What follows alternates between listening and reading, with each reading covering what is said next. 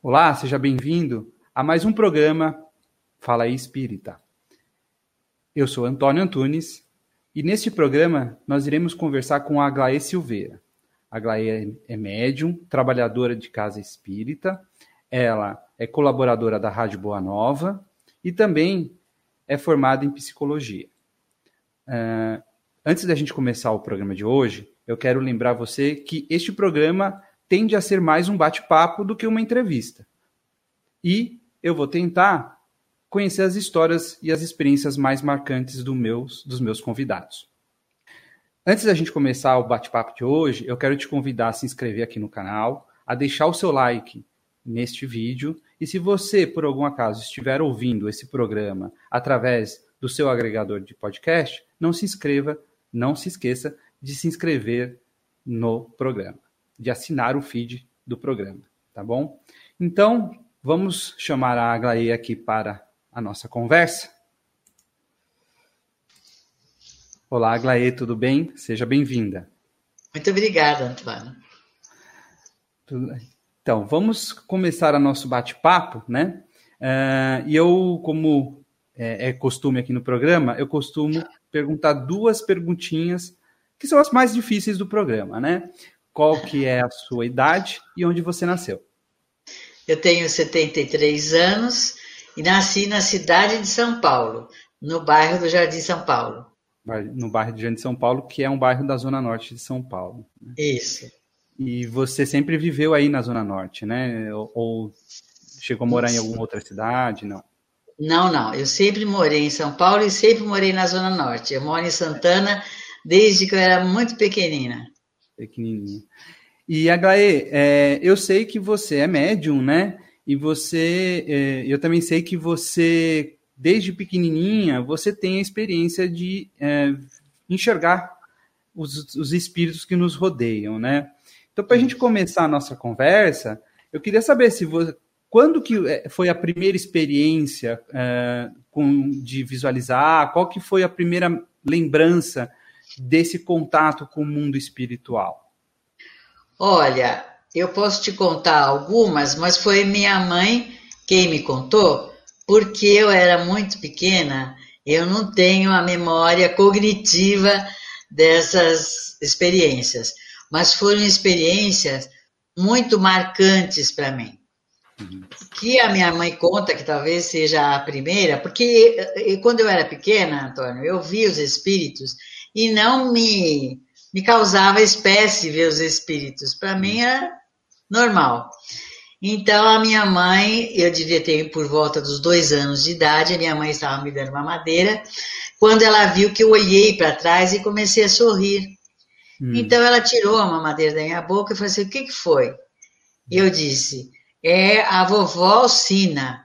Você vê, Alcina não é um nome muito comum, e nem lá em casa nós tínhamos o hábito de colocar fotos de pessoas que já haviam desencarnado. E a minha hum. avó havia desencarnado quando meu pai tinha 12 anos. Hum, tá. é. Então você não. É, a, é, é, seu pai tinha 18 anos, ele era novinho, é, não era nem Meu casado. pai tinha 12. 12, 12. anos. Ah, 12. Ah, então era bem novinho. No, é. Era, era. Hum. Tanto que ele perdeu o pai aos 12, a mãe aos 12, o pai aos 13 e foi criado num colégio presbiteriano. Tá. E, e aí você viu a, avó, a, a sua avó. Sim. E, e aí, e, e, sua mãe? A sua mãe se assustou? Como foi a reação dela? Não, graças a Deus, porque às vezes eu fico imaginando o que, que teria acontecido se eu tivesse nascido num lar não espírita. Uhum. Eu nasci no lar espírita, minha mãe era espírita, meu pai também, eu tinha uma tia, irmã dele que morava junto, que também era espírita. Então foi uma coisa muito natural. A minha mãe sorriu e perguntou para mim para onde ela foi. Eu apontei a janela, ela foi para lá. Uhum. E você disse que seus pais eram espíritas. Eles eram sim. médiums também? O meu pai, sim, era médium, né? E a minha mãe, ela frequentava. Frequentava. É, a, qual, que, qual que era a espécie de mediunidade que seu pai tinha desenvolvido? Era também de, de enxergava? Era só de. Porque a gente sabe que tem várias espécies, né? De, Sim, várias. Então, meu pai não, meu pai era da passividade para espíritos, né? E, e, só lá em casa só quem via era eu mesma. Uhum. Aí você que contava as histórias do que você estava enxergando além da matéria. Isso, e como meus pais nunca me assustaram, nunca me disseram que não era natural isso, eu, hum. eu, eu, eu convivia com isso de uma forma natural. Sempre, então acabou crescendo, é, enxergando o mundo, o mundo espiritual de forma natural, né? É, sem, sem, a, sem aquele sobressalto que às vezes algumas pessoas que não nascem é, com esse conhecimento, dentro de um lar que tem esse conhecimento, acabam, né, às vezes se assustando, né? É então você é, sempre viu com naturalidade o mundo espiritual, né? Sim, Legal. sim. Legal. E aí você fala, então essa foi a primeira experiência como criança, né? Sim. E teve alguma, alguma outra experiência ainda na infância? Sim. A minha mãe, domingo nós íamos almoçar na casa da minha avó. A minha mãe me trocava e eu era muito levada, né? E ela me punha dentro do berço, que eu dormia até uns quatro anos no berço. Ela me punha dentro do berço, que era para eu não me sujar, não me amassar. E ela, às vezes, entrava no quarto e estava brincando com as entidades espirituais. Então, ela me disse assim: quem é que você está. Com quem você está brincando? Eu falei: eu estou brincando com o titio. E ela falou: como é que é o titio? Eu falei: ah, tem uma barba assim, comprida, né? Só que eu falava errado. Mas aí ela falou assim: é, e, e, como é que ele chama? Eu falei: chama Jaquim, que era Joaquim. Hum. E esse, e esse Jaquim, ele era alguém conhecido? Sim, a minha avó, inclusive, minha avó materna, havia conhecido quando ela era menina na fazenda, que ela, ela morava na fazenda é, em Ribeirão Preto. Tá. Então ela conhecia ele. Ah, então e, sua mãe sabia quem era o Joaquim? Ela, sabia. Quando, quando, quando, quando você falar é o Joaquim, ela fala, ah, ela, ela identificou quem, quem era aquele. A, a, a, aquele espírito com quem você estava brincando. Sim. Havia outros, parece até que eu estou inventando, mas era verdade, Não. eu brincava com os espíritos. E havia outro, ele era hindu, ele tinha um turbante, uma pedra azul muito grande. Hum. Eu via essa entidade até quando eu estava adolescente. Hum. E ele chamava Shidere. E eu falei para minha mãe que eu estava vendo que tinha uma pedra aqui. Aí ela falou assim para mim: como é que ele chama? E a minha mãe disse que eu nunca me comuniquei por palavras, eu me comunicava hum, mentalmente, né? Então ela disse que eu fiquei quieta, assim, pois ele, ele falou que chama Chico, porque eu não sabia falar Xidere. Mas por causa é. da pedra, ela conheceu. Ah, e, e, ela e, e, também é uma é, era um espírito conhecido da família ou era quem era esse espírito? Ele frequentava a reunião que meus pais frequentavam, porque ah. os meus pais não frequentavam o centro espírita naquela época havia muito pouco. Então era hum. uma reunião familiar na casa hum. de uma pessoa. Então eles conheciam ele de lá, porque havia médiums videntes que o descreviam. Tá. É, não, é, o, o, Américo, que a gente conversou com ele no programa passado, ele conta, né, que inclusive é, o Centro Espírita Mãos Unidas, ele teve, ele começou na casa da dona Gesilda, né, que sim, era sim. a cunhada do cofundador lá do centro. Então, então era realmente, é, é, há alguns anos atrás, era comum, eram comuns essas reuniões, né, dentro das, das, casas das pessoas. Hoje, que é mais tradicional, você ter o centro espírita, que a gente frequenta o, o a, a, palestra pública, né, e os trabalhos todos que são desenvolvendo dentro do centro espírita, né. E, então esse, então esse, esse espírito hindu, Shideri. É Shideri. É. Então ele era, ele era um dos espíritos que é, fazia parte dessa, desse, desse grupo de, de estudantes. De espíritos estudar. que frequentavam a reunião, isso. Ah, ah, eu legal. ouvi até a adolescência. Você, um dos até... últimos, até a minha adolescência porque um dos últimos espíritos que eu vi, porque depois da adolescência aí era muito mais raro, foi tá. ele. Eu, eu, eu acordei e uhum. ele estava me olhando para mim sorrindo, e a pedra brilhava muito. Eu olhei sorrindo para ele também, porque ele era uma pessoa muito boa e eu não tinha medo, né? Eu acho que eles me protegiam porque eu era criança e nunca vi nenhuma entidade espiritual ruim. Tá. E aí eu ri para ele também, mas foi uma das últimas entidades que eu vi. É, é interessante, né? Porque a gente sabe que, é, que é muito comum uh, a criança enxergar na, durante a fase infantil dela, porque ela está naquele processo de, de, de aterrar, né? De, de, de, se desligar do mundo espiritual e ficar mais na matéria. E aí é muito comum, né, crianças terem essa experiência e depois da infância perderem, né? É, é muito comum é, isso. Não, eu continuei, inclusive, até bem pouco tempo eu via o espírito, só que não era com a mesma frequência, ah. né? Mas eu tinha, assim, uma, uma, uma vidência um pouco fora do comum. Nas tá. reuniões espíritas, então, eu, eu via muito.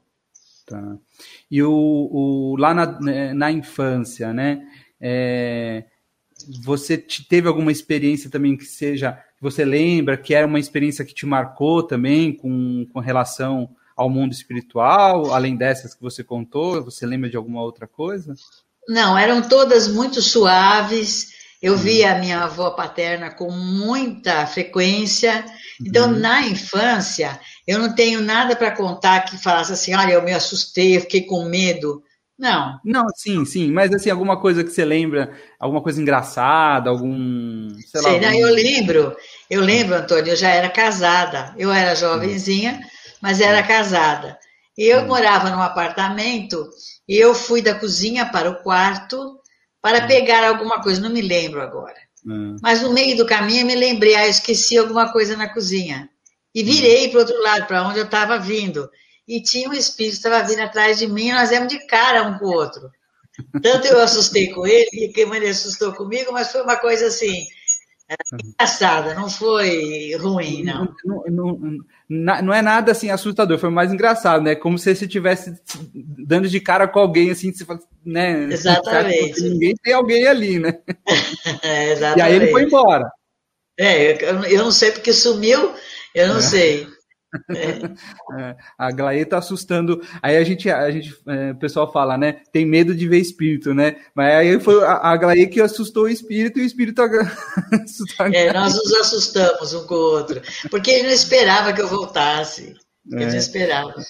É, legal. E aí você, você, então você, você via a sua, a sua avó materna, é, como esqueci não, o nome paterna. dela? Paterna, é. Como que ela chamava? Vó? Alcina. Alcina. E você via, você via ela com frequência, então. Mas se você só via, você lembra de conversar com ela? Não, ela não, ela não conversava comigo a não ser telepaticamente, porque a minha Sim. mãe mesmo disse que eu nunca conversei com o espírito, assim, tá. falando. Mas tá. telepaticamente ela conversava comigo, sim. E você lembra de você ter é, conversas com ela, assim, ou era só coisa pontual? Não, pontual, pontual. É, tá. Tá, é. legal. Tá. É, é, mais ela dando algum conselho, falando. Sim. Tá. Fica tranquila, faça uma oração, pense tá. em Jesus. Ela, você, ela é sua mentora ou, ou não? Ela não. É, não. Não, não. Eu tenho tá. até impressão, porque ela, é, a minha avó disse certa vez, em reunião mediúnica, que ela estava esperando meu pai desencarnar para ela encarnar novamente. Ah, entendi. Ah, e o meu pai desencarnou com 61 anos. Então eu acredito, e faz, faz mais de 40 anos. Então eu acredito ah. até que ela tenha voltado, porque eu nunca mais a vi. Nunca ah, mais. legal. Tá. Agora, é, e assim, né? Aí você, você, na sua adolescência, você é de, uma, de, um, de, um, de um berço espírita, né? Seus pais são espíritas tal. E aí você, então, começou a trabalhar uh, uh, na, com a doutrina, começou a trabalhar com que idade dentro com da casa? Com 16 anos, eu uhum. fiz, a pedido de uma casa espírita que estava precisando de evangelizador, eu uhum. fiz um curso de evangelização a pedido deles, porque a idade mínima era 18 anos. Eu tinha 16. Uhum. Aí eles uhum. escreveram uma carta, eu fiz uh, esse curso e fui evangelizar nessa casa espírita. Tá. E essa casa não tinha nenhum. Ela não tinha ainda a, o, o, esse trabalho de evangelização ou ela já tinha? Já tinha, já tinha. é que estava faltando evangelizador. Estava Ah, com entendi. pouco número de evangelizadores. Tá. Mas você já frequentava essa casa, então? Eu, eu, olha, essa casa era dirigida pelo Éder Fávaro, que é um Hum. nome muito conhecido, não só no meio espírita, como na Rádio Boa Nova. Foi Tá. ele que me levou para a Rádio Boa Nova. Ah, entendi. Eu tenho 35 anos de Rádio Boa Nova, mas foi o Éder que me levou para lá. Eu E tenho aí, então- gratas recordações, porque foi lá que eu conheci o Amilcar Delchiaro Filho também, que é uma Ah, pessoa fora de série. Legal. Então, é, é, então essa casa espírita que, o, o- que você foi trabalhar é, é dele, é- era ele, é dirigida por ele, né? Sim, E aí você começou já a trabalhar com a evangelização infantil, isso. De crianças Ah. bem pequenas. bem, bem quatro anos. É, Quatro porque eu era anos. muito nova, né? Tá.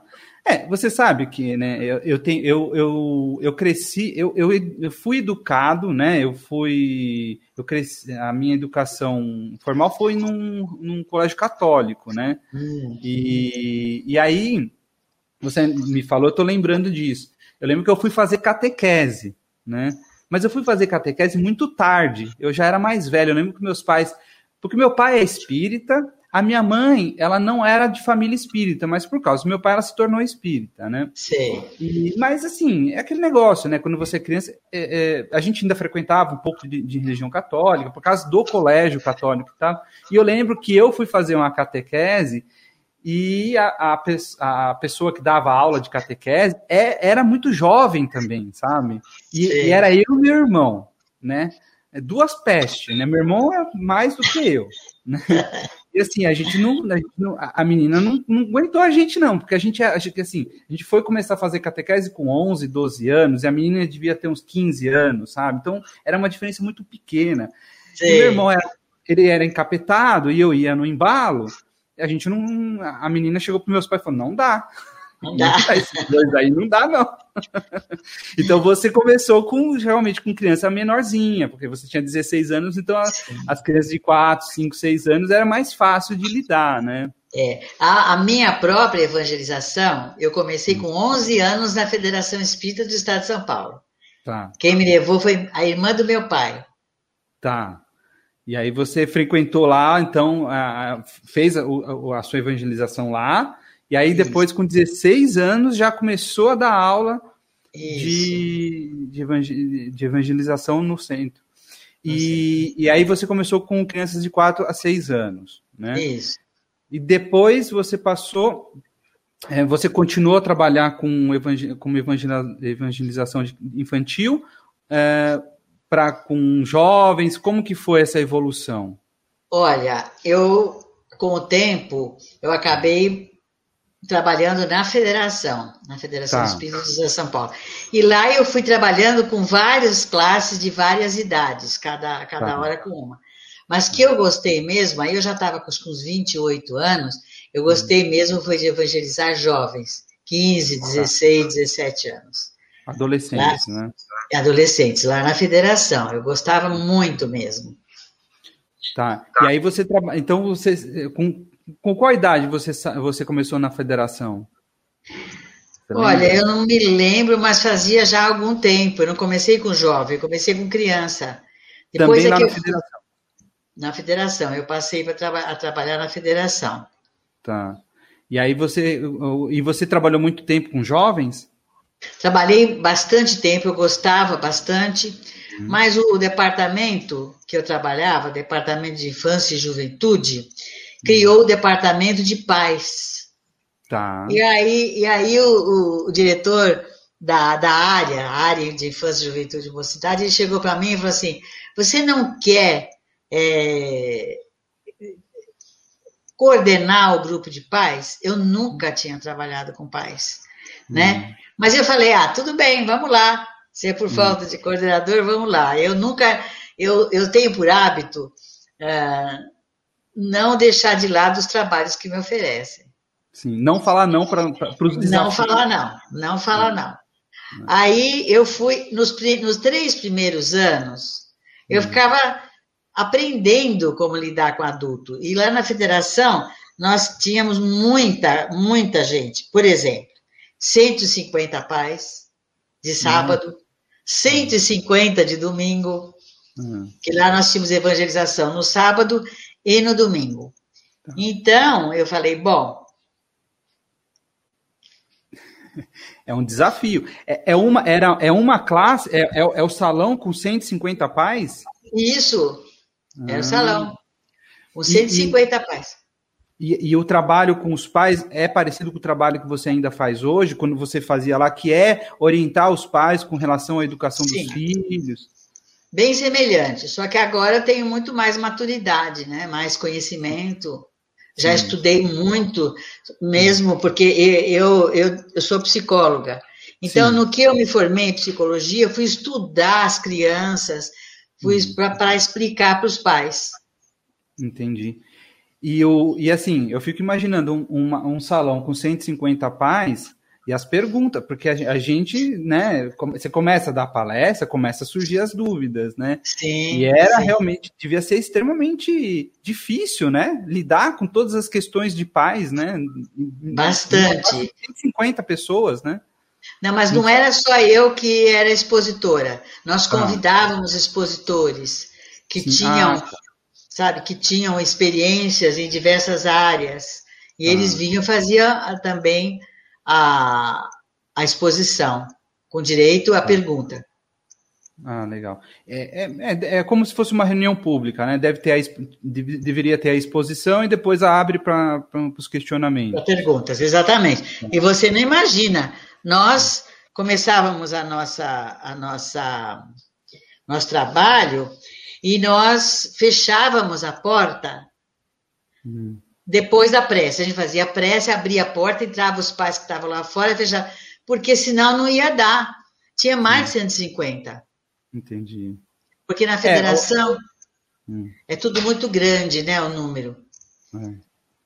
É, é, parecido com a Casa André Luiz, né? Que também, né? Você, aí você precisa de uma disciplina, de uma regra, sim, né? Que senão sim realmente acaba não, né?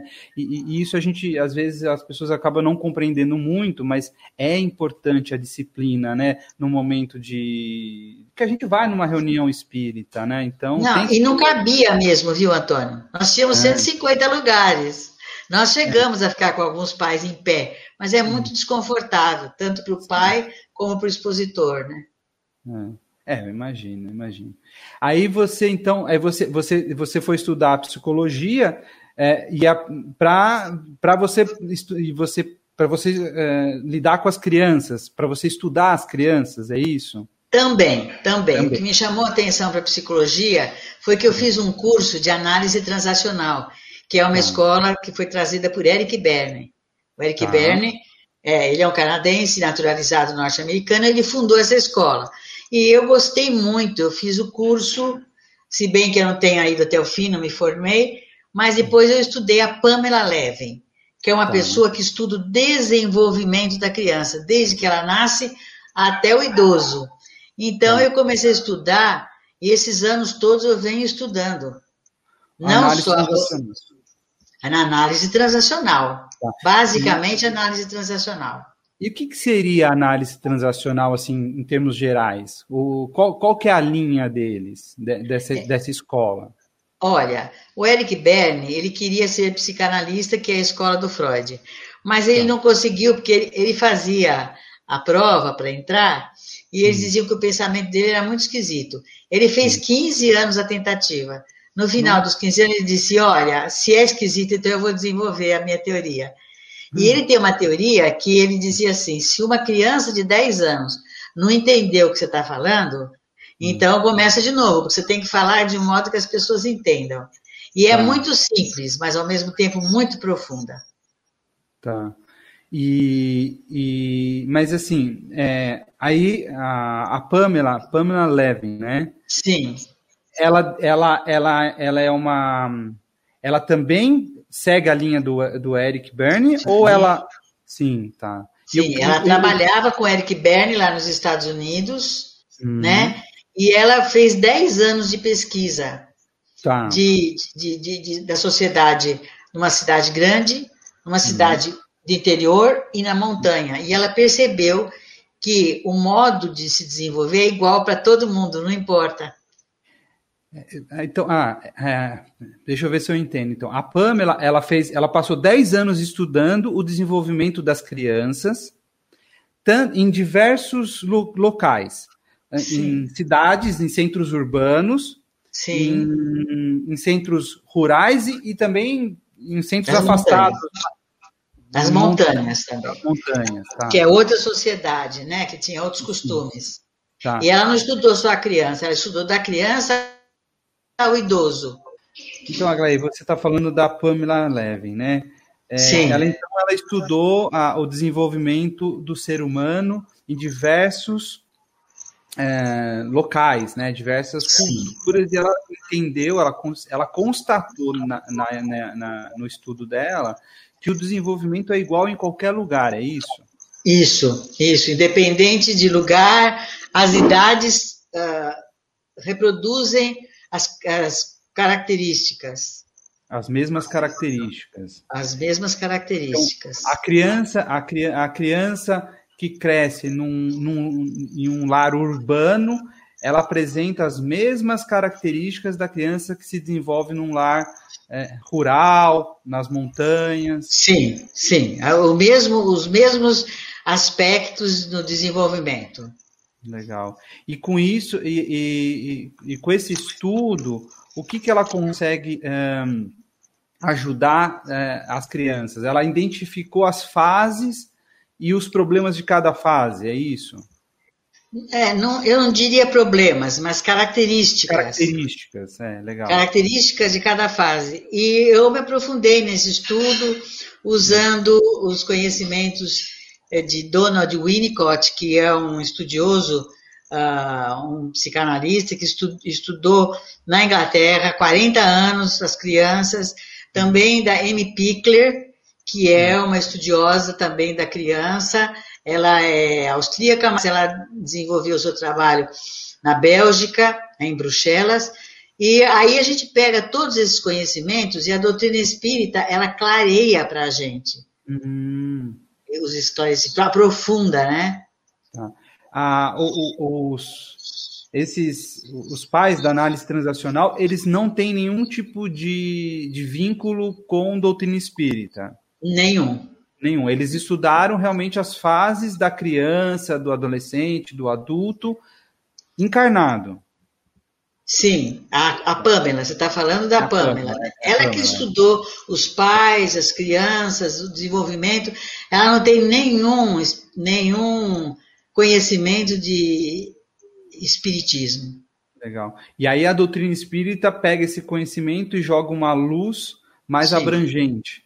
Sim, muito mais abrangente, porque pega desde a preparação para a reencarnação até a gestação, que o espírito esquece tudo, e aí começa o desenvolvimento, onde a Pâmela esclarece demais para a hum. gente, cada, cada faixa etária. Legal. E isso foi importante, então, pra, pra, pra, para o trabalho lá de. de o, o trabalho conjunto com os pais, tanto na Sim. federação quanto porque você trabalhou na federação, né, com esclarecimento, né, com as, com as doutrinas pais, e aí depois você veio trabalhar lá no Mãos Unidas. nos Mãos Unidas, no Mãos Unidas e, e, e, há quanto tempo você está lá no Mãos Unidas fazendo esse trabalho com pais? Faz mais de 20 anos. Mais de 20 anos. Sim. Então você deve, deve ter algum, algum adolescente lá do começo que já é pai que frequenta lá, né? Sim, temos. Temos. Imagino, né? Sim. Legal. E aí você é, conta um pouco também da sua experiência na Rádio Boa Nova. Você trabalha na Rádio Boa Nova há quanto é, tempo? Há 35 anos. É, você comentou no começo, né? 35 é. anos que você colabora com a Rádio Boa Nova. Isso. Quem me levou para a Rádio Boa Nova é o Eder Fávaro. Lá eu conheci um dos maiores amigos da minha vida, que é o Amilcar Del Chiaro Filho, e nós três fazíamos o programa que nós fazemos hoje, o Américo, o Marcos, eu, o Milton, que é hum. Diálogos Espíritas hum. e Ação 2000.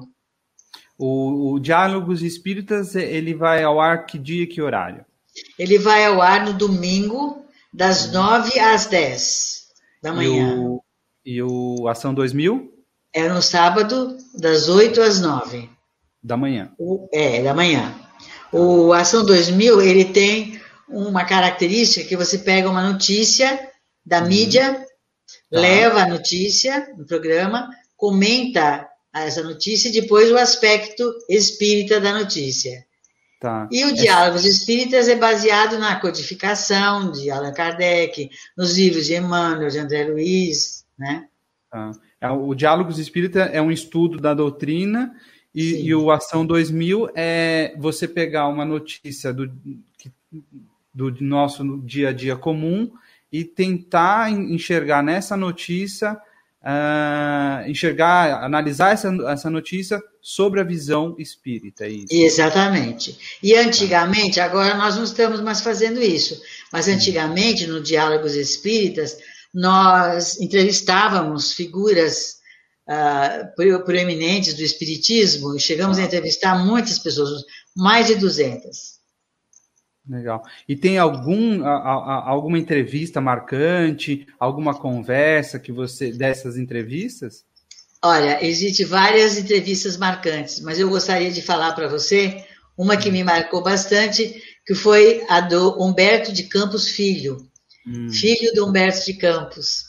Tá. Ele escreveu um livro chamado Irmão X, Meu Pai. Tá. Nós devemos lembrar que ele e a mãe dele que abriram um processo contra o Chico Xavier e a Federação Espírita Brasileira, porque escreveram livros assinando Humberto de Campos, né?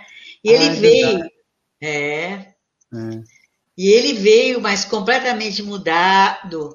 Ele veio trazendo esse livro, Irmão X, meu pai. Ele quis fazer questão, porque depois Humberto de Campos teve que assinar Irmão X por causa do, do, do problema com a federação, né?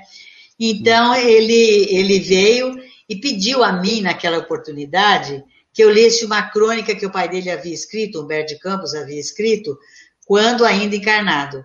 E eu comecei a ler a crônica, ele já estava doente, ele começou a dizer que ele começou a ouvir uma valsa no rádio e teve saudade das vezes que ele dançava com a esposa nos salões, só que ele não aguentou. Nós precisamos desligar os microfones porque ele chorava muito. Né? Ele era uma pessoa muito sensível, Humberto de Campos Filho. E, e, e, então ele, ele se emocionou com a carta, com a crônica que o pai dele tinha escrito que estava sendo lida por você. Sim, sim. Foi ele que te pediu para ler. Foi ele que pediu. Ele e o que, que, tinha nessa crônica que você acha que emocionou ele tanto assim? Isso, quer dizer que o pai dele já estava muito doente, não hum. podia dançar mais e disse que é. sentia falta da época em que ele dançava com a esposa, as valsas. Ah, ah então acho que ele deve ter vindo toda essa lembrança do pai, né? Do, Sim. Do, né? pai, com, a, com, a, mãe, né? Legal. Sim. Ah, que interessante, né? E, e, e, assim, dentro da, da doutrina, né? Eu sei que você também participa, né? De, de, de escola. É, é, é, no esclarecimento de aquele trabalho de esclarecimento de esclarecimento. Sim. Agora você... nós estamos com o centro temporariamente fechado por causa da pandemia, hum. mas eu tenho uma experiência hum. de muito me marcou. Hum. Ele um espírito chegou, né? Ele estava com o formato de animal, zoantropia, tá. e os mentores começaram a me orientar para que eu uh, levasse a, a, a conversa para um certo campo. Então, eles trouxeram um espelho, um espelho no plano espiritual. E tá. ele via, então ele via as mãos e dizia patas. O, e eu dizia. O, o espírito que estava sendo esclarecido e você que estava esclarecendo o espírito. Sim. E eu Legal. também via porque eles me mostravam. Tá. Então ele dizia assim, então você patas. Você estava enxergando toda a situação que estava acontecendo. Sim. Tá. E ele, eu dizia, não, mãos. Enquanto eu falava isso, os espíritos iam trabalhando com a mão dele naturalmente, que já tinha sido feito um trabalho anterior, uhum. e eles iam trabalhando com as mãos dele para transformar aquilo em dedos. Tá. Depois ele falou, ele falou focinho.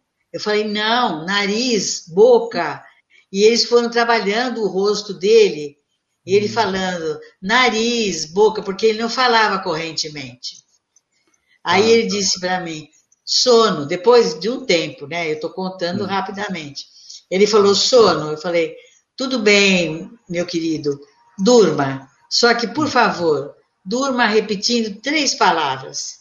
Hum. E ele falou, qual? Eu falei, Deus, Jesus e amor.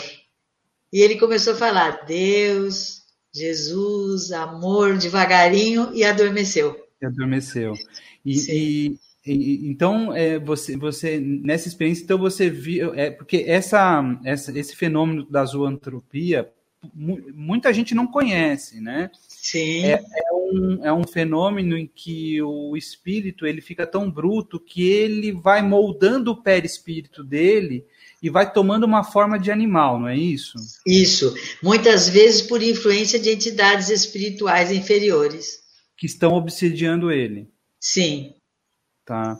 E aí, tem um dos é... livros de André Luiz, desculpa, tem um dos livros de André Luiz que descreve isso perfeitamente, mas eu não lembro no momento qual é. Tá, eu vou pesquisar e eu deixo aqui na, na descrição da, dessa, da nossa conversa.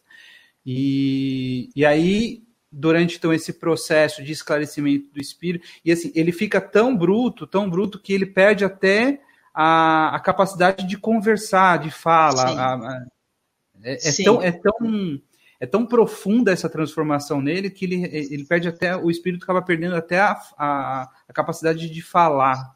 Olha Sim. que interessante. Né? Falar correntemente, né? É.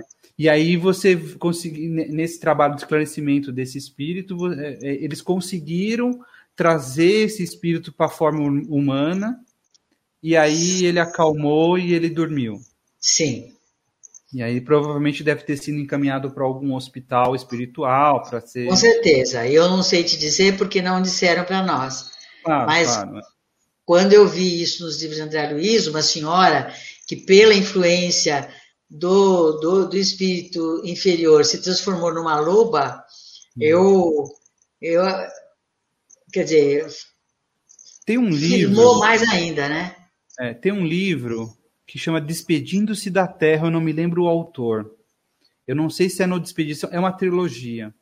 Sim. E, e, é, ele, em um desses livros, ele conta uma experiência de um, de um espírito que estava sob a forma de animal, entendeu? Sim. Que ele estava, eu lembro, é, também é relatado nesse, nessa trilogia. Depois eu vou pesquisar exatamente quem é o autor, tal, essa trilogia, e eu ponho aqui.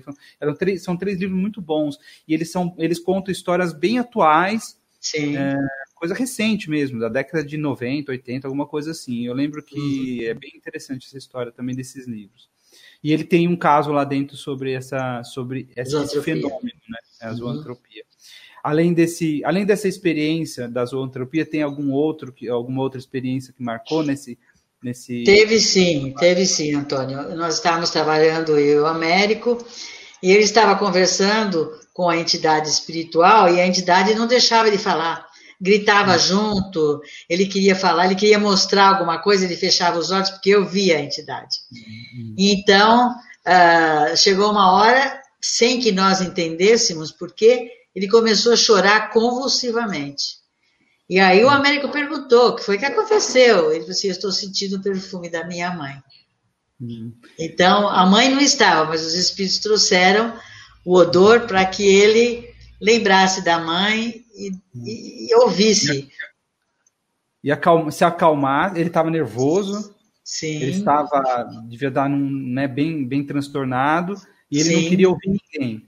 E não. aí foi, foi sentir o perfume da mãe da mãezinha dele, é. aí ele acalma. Olha só, olha, olha o que o amor da mãe não, faz. Não né? faz pelo filho não é? É só o perfume dela foi capaz de acalmar o coração do filho. Olha que sim, interessante. Sim. Olha que muito muito legal, muito legal. E é, a gente já está mais ou menos indo para a conclusão do nosso, da nossa conversa, Glaê. Eu queria que você contasse também alguma outra experiência marcante na sua vida. Eu sei que você tem uma com seu pai, né? É verdade. A experiência com meu pai foi uma experiência que me marcou demais. Eu sempre fui muito próxima do meu pai, muito próxima. E o meu pai desencarnou uh, com 61 anos de um ataque cardíaco, quer dizer, nós não estávamos esperando, né? Ah, foi, foi, uma, foi uma, uma morte é, repentina, né? Repentina, repentina, nós não estávamos esperando.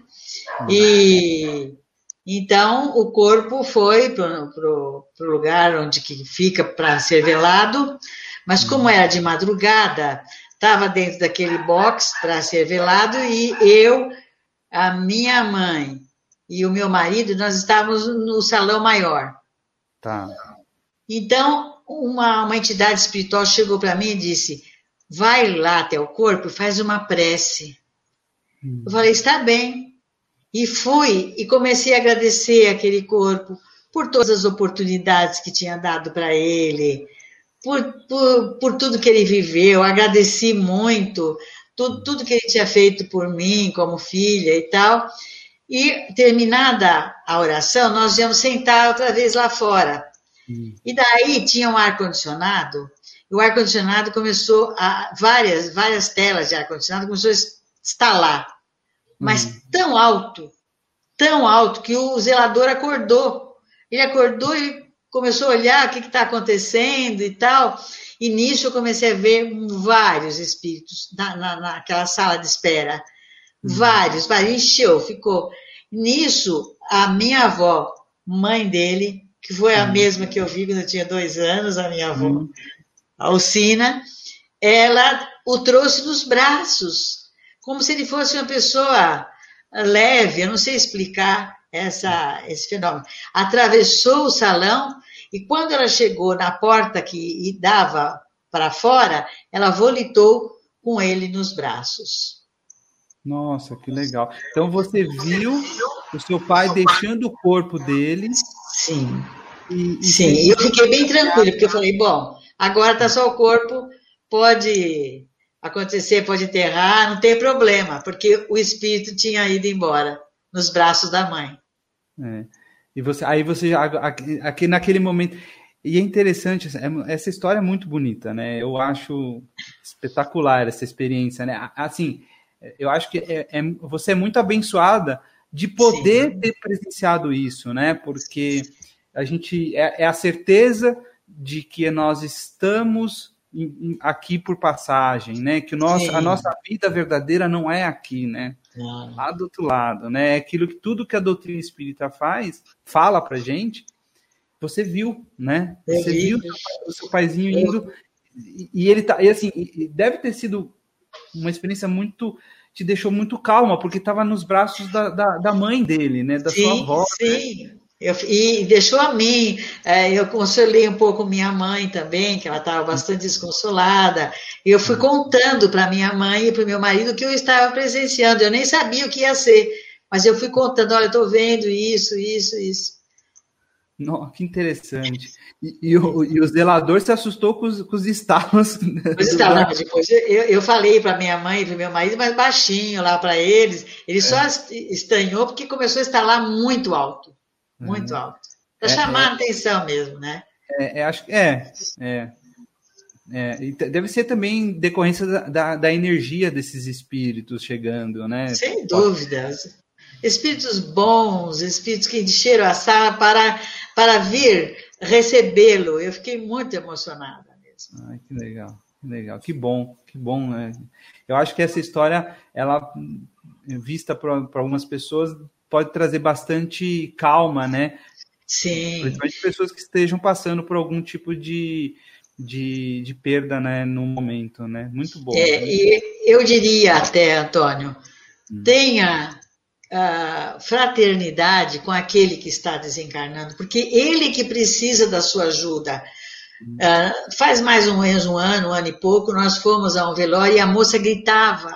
E por hum. coincidência era pai. Pai, pai. E eu fiquei pensando como que aquele espírito estava se sentindo com aquela jovem gritando daquele jeito. Hum. Então, eu estou falando isso não é para dar lição de moral, absolutamente. Hum. Mas para pedir às pessoas que tenham caridade com aqueles que estão partindo, porque eles é que precisam de nós. Eles estão passando por um momento de transição, então eles precisam sim. de nós. Sim, sim. E aí eles precisam que, que, gente, que eles, eles precisam receber boas energias nossas. Sim. Para que eles sim. possam fazer a, a transição deles de forma mais calma, mais serena, sim. né? Sem dúvida. E para a gente terminar a nossa live, gostei muito da nossa conversa, né? E, e para a gente terminar a nossa, a nossa, nosso programa, eu sempre eu procuro pedir um, uma dica de livro ou de série ou de filme. Que, que dica você gostaria de dar? Olha, uh, eu gostaria muito de indicar a codificação, mas eu sei que nem todos ainda estão acostumados com a codificação, mas eu destacaria o Evangelho para quem está começando, né, depois o Livro dos Espíritos, a obra de Emmanuel, né, não só a, a, os romances que são maravilhosos, mas também as mensagens, né? E também a obra de André Luiz, uhum. né? E que nós temos até como, como, como indicação o livro Nosso Lar, ah, desculpa, o filme Nosso Lar, filme, que, é. é, que foi muito bem traduzido para a indústria cinematográfica, né? Sim. É, eu acho que o, o livro, tanto o filme Nosso Lar, quanto o filme do Chico são duas obras muito. Nossa, mas o Chico, o Chico é o concurso, né? Porque quando a gente fala de Emmanuel, nós estamos falando do Chico, quando a gente fala de André Luiz, a gente está falando do Chico, né? Exatamente. O Chico não é nada, não é nada, são mais de 400 livros, então sim, sim. é realmente uma figura ímpar dentro do Espiritismo. É, não, e, e, a história contada, a, a, forma como foi contada a história dele, né? é, com ênfase na, na, na, ajuda que ele dava para as mães que, perder, perdiam seus filhos, nas né, psicografias que ele fazia, né? é muito, eu acho que foi muito bem, a gente sabe que veio lá de cima a inspiração para dar esse enfoque, né? Então, e, é, e o filme acaba com o Pai Nosso, né? Então, sim, aí, bom, aí acaba com a gente também. Né? É e, eu, e eu gostaria até de dizer que ele teve um pouco de dificuldade de psicografar no início, nosso lar. Mas aí eles levaram o Chico é, hum. até o nosso lar para conhecer a colônia, para poder ter mais facilidade de psicografar. É, eu, eu, eu, eu falaria o seguinte, né? Para quem está começando na doutrina, realmente a, a, a codificação, o, o, a, os livros do, do André Luiz, tal, o nosso lar ele é um é, é, o, é o primeiro, mas dali para frente ele vai aprofundando. Eu mesmo tenho, eu tenho não consegui ler, entendeu? Eu não.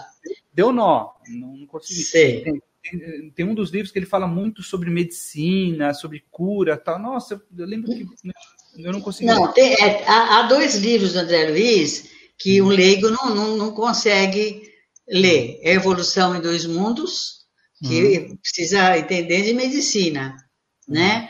e, e pera, desculpa, eu é, mecanismos da mediunidade, que daí precisa ser engenheiro. É verdade, é verdade. Agora, mesmo os outros livros, a gente é, tem um pouco de dificuldade porque ele vai no fundo, o André Luiz vai fundo. Isso. Então, a gente precisa primeiro começar pela codificação, pelos romances de Emmanuel, que eu Isso acho é. maravilhosos. É, eu acho assim, cabe muito a pessoa que está né, que tá lendo, falar, pô, se ela tem, é, se ela gosta de romance, vá para os romances do Emmanuel, né? Se ela gosta de, de, de, de estudo um pouco mais sobre né, questões mais técnicas, tal, aí sim você pode ir tanto para codificação quanto para os livros do André Luiz. E agora, quem está querendo começar, para ter uma ideia tal, eu diria, vai atrás de romances é, como é, é eu estou falando porque eu, por exemplo, eu comecei lendo a Zíbia Gaspareto, né? Sim. A gente, eu acho assim, ali ela traz, é, são romances mais leves, mais, né? Eu acho também a, a Violetas na Janela um clássico, né? Então, Nossa, muito bom. É, né? Eu é, então, são. Eu acho que se você quer começar, né? Pode começar por esses, para você Sim. ter uma ideia do, qual, do que, né, de tudo que está passando, vai ser uma Sim. ideia, e aí depois aí começa a aprofundar nos livros da codificação tal. Né? Sim, sim. Então, tá bom. Sempre, sempre lembrando do Evangelho também, que a gente pode ler quando faz o Evangelho no lar, que é muito bom também, Evangelho segundo o Espiritismo. Sim, é, o Evangelho é, é, é um costume que eu tenho, que eu, que eu trago da casa dos meus pais, fazer o Evangelho no lar toda semana. Né? Isso a gente sabe da importância Sim. disso, né?